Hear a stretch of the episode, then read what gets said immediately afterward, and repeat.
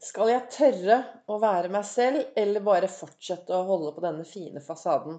Det er jo ofte det enkleste. Kanskje det tryggeste.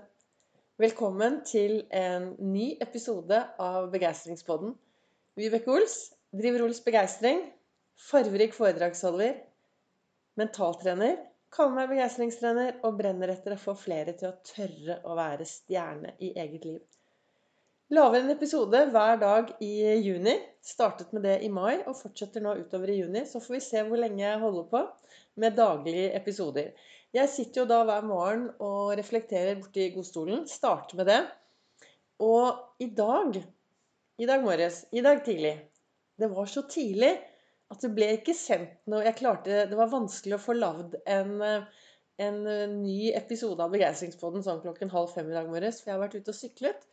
Og så har det vært litt jobb, og nå sitter jeg her og lager denne episoden. Men det jeg leste i dag morges i min kalender som heter 'Du er fantastisk', der sto det Det som gjør deg spesiell, kan noen gang føles som en byrde. Men det er det ikke. Ofte er det nettopp det som gjør deg stor. Og den kjenner jeg veldig godt på.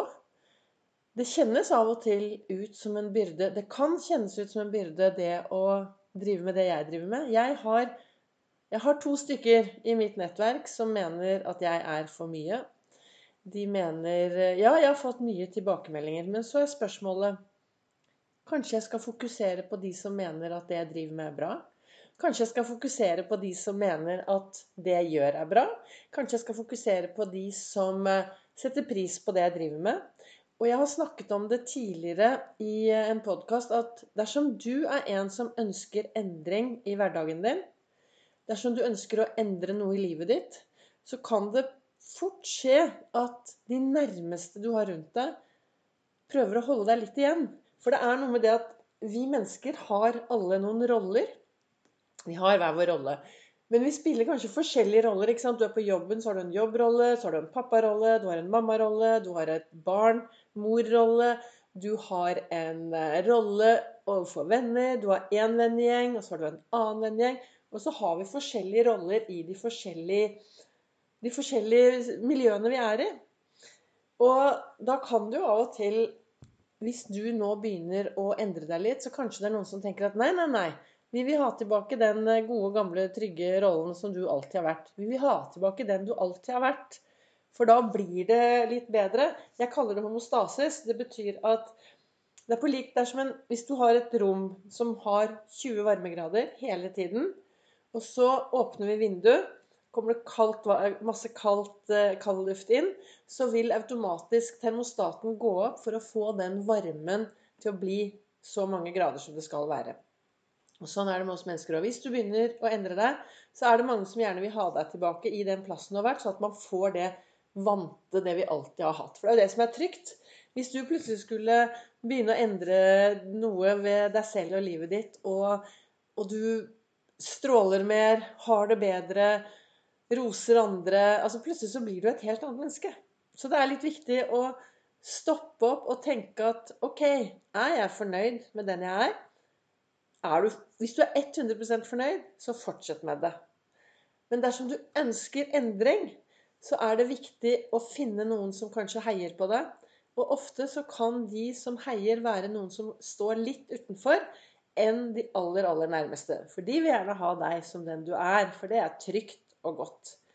Og jeg startet jo min reise from zero to hero liv for mange mange år siden og var ganske åpen med at jeg har gått fra Og det er jeg fremdeles at jeg har gått fra ikke ville leve til å bli levende.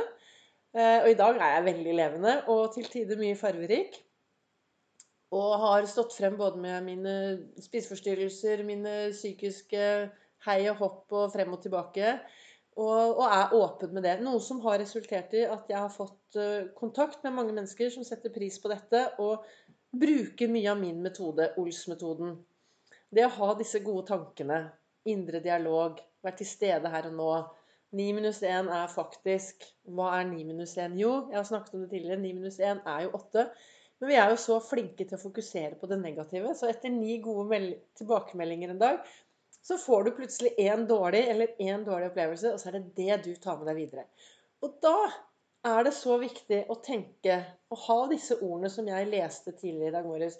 Det som gjør deg spesiell, kan noen gang føles som en byrde. Men det er det ikke. Ofte er det nettopp det som gjør deg stor. Og det, det Jeg startet jo med å si ja, skal jeg fortsette eh, skal jeg, være, skal jeg være den jeg virkelig er, eller skal jeg bare ha en fin fasade? Og jeg gikk jo rundt i mange, mange år med en Superpen fasade. Jeg startet å jobbe i SAS for, i 1986. Kom inn der, vet du. Høyhælte sko, pen uniform, masse krøller. Så så fresh ut. Jeg ser tilbake på at jeg så fresh ut, men jeg følte meg jo ikke det. Da, for jeg gikk jo rundt med dette elendige tankesettet på at jeg verken var pen eller flott eller ja, Det var helt håpløst tankesett. Men jeg kom inn der med denne fine, fine fasaden min. og viste at verden og livet var så veldig bra, helt til jeg gikk så langt ned i kjelleren som det gikk an å komme. Og så startet jeg min reise. Og jeg tenker i hvert fall i dag så håper jeg at flere kan gi litt slipp på denne fine fasaden. Tørre å være seg selv. Tørre å stå på sin egen, sin egen scene og stråle.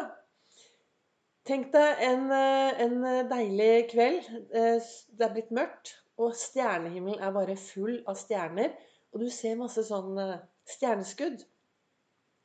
Og sånn er det jo med oss mennesker òg. Hvis vi står på hver vår scene og tør å være den vi er, så er det det som gjør oss store. Og når vi tør å være den, så blir vi en haug med stjerneskudd. Og det blir mer begeistring, det blir glede, det blir et bedre samfunn.